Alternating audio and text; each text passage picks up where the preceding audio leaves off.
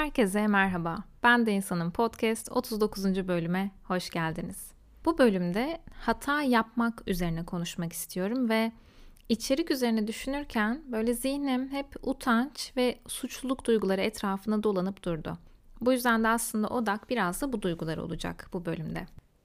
Belki dinlemeye başlamadan önce biraz durup hatanın ne olduğundan bağımsız olarak yani yaptığımız hatanın ne olduğundan bağımsız olarak direkt hata yapmanın size ne ifade ettiği, hayatınızda nasıl bir yeri olduğu üzerine düşünebilirsiniz. Sonra belki biraz da yetiştiğiniz ortamda hatalara nasıl yaklaşıldığını, hata yapmanın nasıl görüldüğünü, hataların nasıl telafi edildiğini, hata yapana nasıl tepki verildiğini düşünebilirsiniz. Belki biraz da yetiştiğiniz ortamda hata yapmaktan kaçınmaya dair, hata yaptığına inanılan kişilerle ilgili neler konuşuluyordu, neler duyuyordunuz? Biraz da bunlar üzerine düşünebilirsiniz. Burada aslında hatanın kapsamını oldukça geniş tutabiliriz. Mesela ilişkilerde yapılan hatalar olabilir bu. İşimizde, kariyerimizde yaptığımız hatalar olabilir. Kaçındığımız hatalar da olabilir tabii ki. Ailede, arkadaşlıkta, ev işinde, trafikte, herhangi bir alanda, herhangi bir yerde, herhangi bir kişiyle, herhangi bir karşılaşmamızda aslında hata, hata yapma olasılığı hayatımızın her anında var. Bu yüzden de böyle bir kalıba sıkıştırmadan hata denilince aklınızda canlanan her şeyi öncelikle bir durup düşünebilirsiniz. Tabii sonra bir de kime göre neye göre sorusunu da soralım. Bu kimin hatası? Burada benim hata olarak kodladığım şey bana ne zamandan beri hata olarak görünüyor? Hata olduğuna inandığım davranış kime göre hata? Hangi durumda? Hangi koşulda aslında bu davranışı bir hata olarak kodluyoruz ve bu kodlamamızın değiştiği kişiler, ortamlar var mı? Yani bir yerde hata olarak gördüğümüz bir davranış, bir kişide hata olarak gördüğümüz bir davranış bir başkasında bize hata olarak görünmüyor olabilir. Bunlar neye göre değişiyor? Belki başlangıçta biraz bunları düşünmekte anlamlı olabilir. Şimdi birçok soruyla başladık ve bu sorulara herkesin vereceği cevap da farklı olabilir. Bunun da farkında olmak oldukça önemli. Çünkü hata denildiğinde oldukça göreceli bir kavramdan da bahsediyoruz bana göre.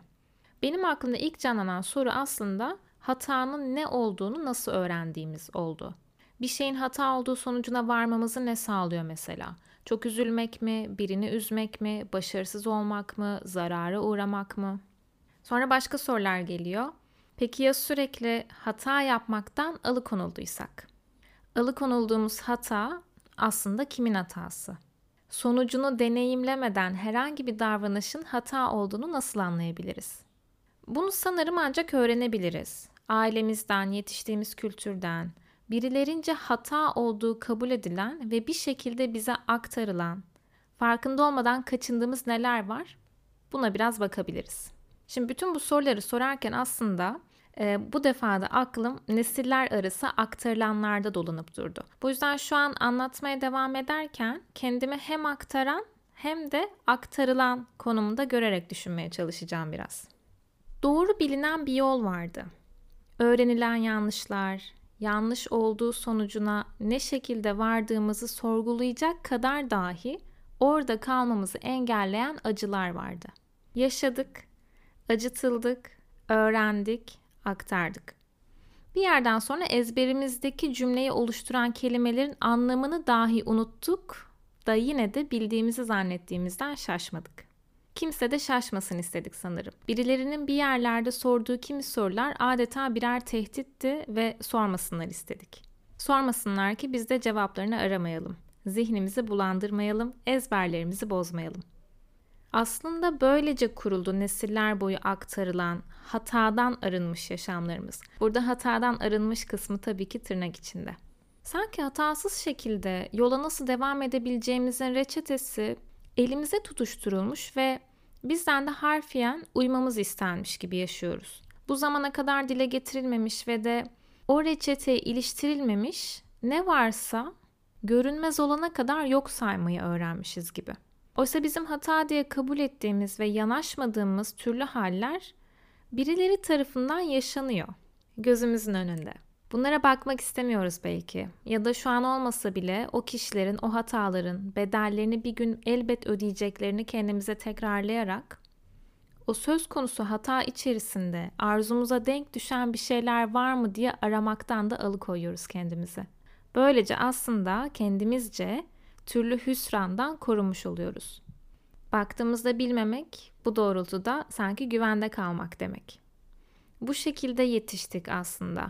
Hatalardan korunarak, tembihlerle kulaklarımızı doldurarak, arzu yaratan kokulara burnumuzu tıkayarak. Gidilmesi gereken yollar belliydi.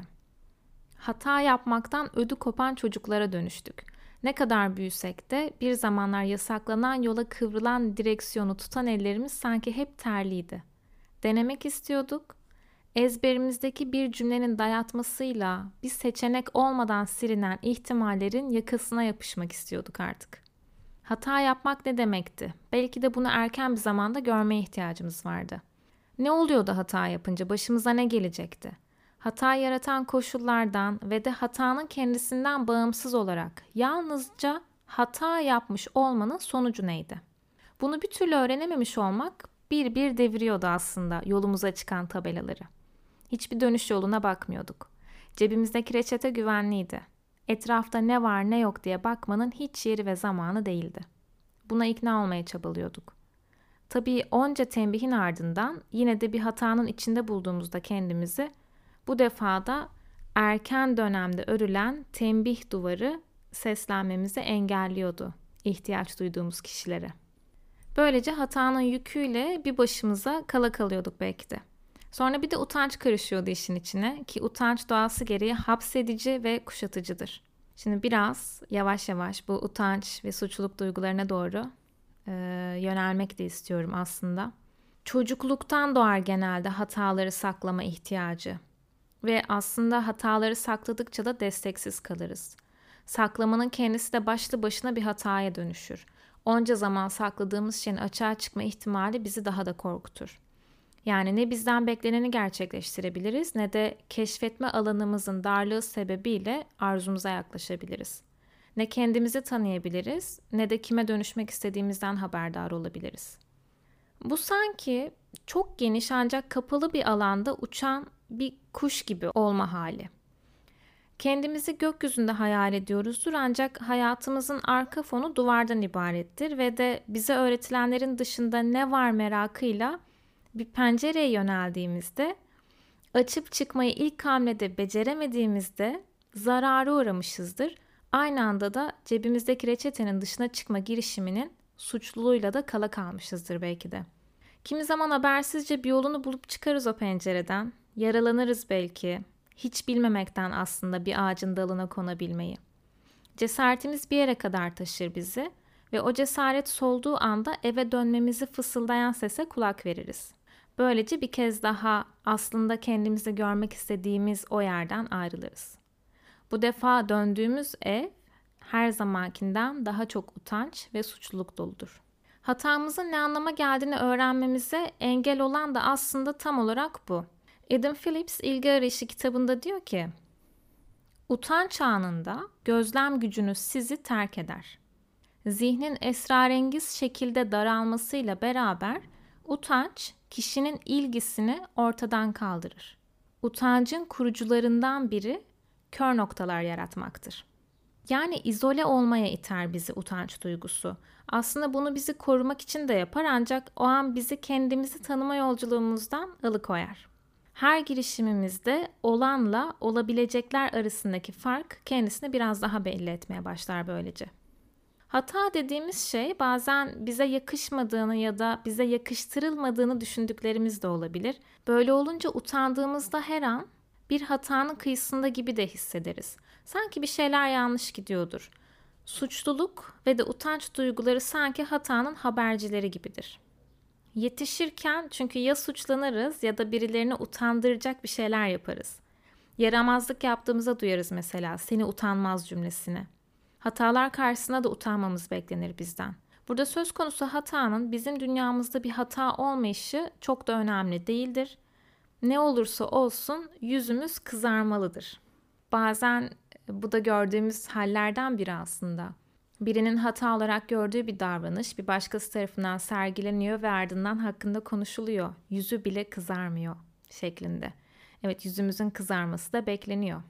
Böylece suçlanmayla birlikte gelen suçluluk duygusu utançla kol kola dolaşmaya başlıyor. Oysa yine aynı kitabında Adam Phillips aradaki farkı da açıklıyor bize suçluluk ve utancın arasındaki farkı. Diyor ki, süperego ile çelişki içinde olan davranış suçluluk duygusu uyandırırken ego idealiyle çelişki içinde olan davranış utanç yaratır. Yani aslında kendimizi görmek istediğimiz gibi ya da başkalarının bizi görmesini istediğimiz gibi göremediğimizde hissettiğimiz duygu utanca daha yakınken suçluluk biraz daha olmamız gerektiğine inandığımız gibi olmayı gerçekte istemememizle ilişkili görünüyor. Burada da eğer ki hatanın ardından biz daha çok suçluluk duygusuna odaklanırsak, diğerlerinin bizde görmek istedikleri şeyi var etmeye çabalama olasılığımızın daha yüksek olduğunu söyleyebiliriz sanırım. Ancak suçluluktan sıyrılıp bizi utandıran şeye biraz daha yakından bakabildiğimizde ki bazen utandığımız halin içinde kalabilmeyi de gerektirir bu. O noktada kendimize ilişkin idealimizle, arzularımızla karşılaşabiliriz. Kısacası suçluluk bizden beklenenlerin neler olduğunu açık eden bir duyguyken utanç kendimizden kim olmamızı beklediğimizin işareti gibi. Her halükarda aslında hatadan kaçınmak da kendimizi utanç ve suçluluk duygularının bize anlatacaklarından mahrum bırakmak anlamını taşır aslında. Böyle düşününce de aklıma şu geliyor. Çocukluktan bu yana ihtiyacımız olan nasıl hata yapmayacağımızı değil, hata yaptıktan sonra ne olduğunu öğrenmekti belki de. Hata yaptıktan sonra hayatta kalabiliyor muyuz? Hala seviliyor muyuz? Telafisi mümkün olmayan hatalarımızın sorumluluğunu alabiliyor muyuz? Oradaki hüsrana katlanabiliyor muyuz? Utancın içinden çıkıp da arzumuzu keşfedebiliyor muyuz? Kendimizi suçlamakla sorumluluk almak arasındaki farkı ayırt edebiliyor muyuz?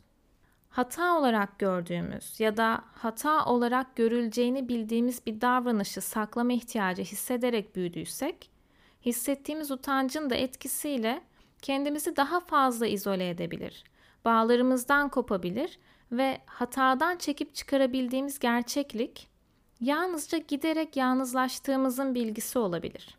Bu yalnızca bir örnek tabii ki.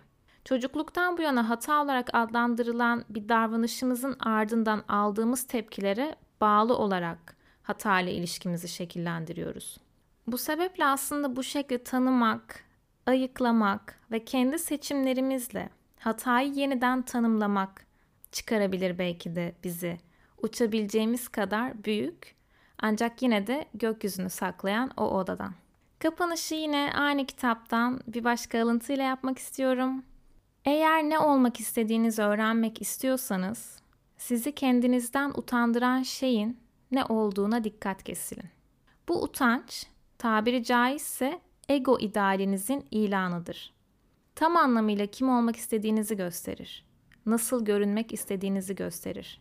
Ama aynı sebeple varsayılan bir öz bilincin de ilanıdır. Kim olduğunu veya kim olmak istediğini bilmeyen biri utanç hissedemez. Şimdilik bu kadar olsun. Sonraki bölümde görüşmek üzere.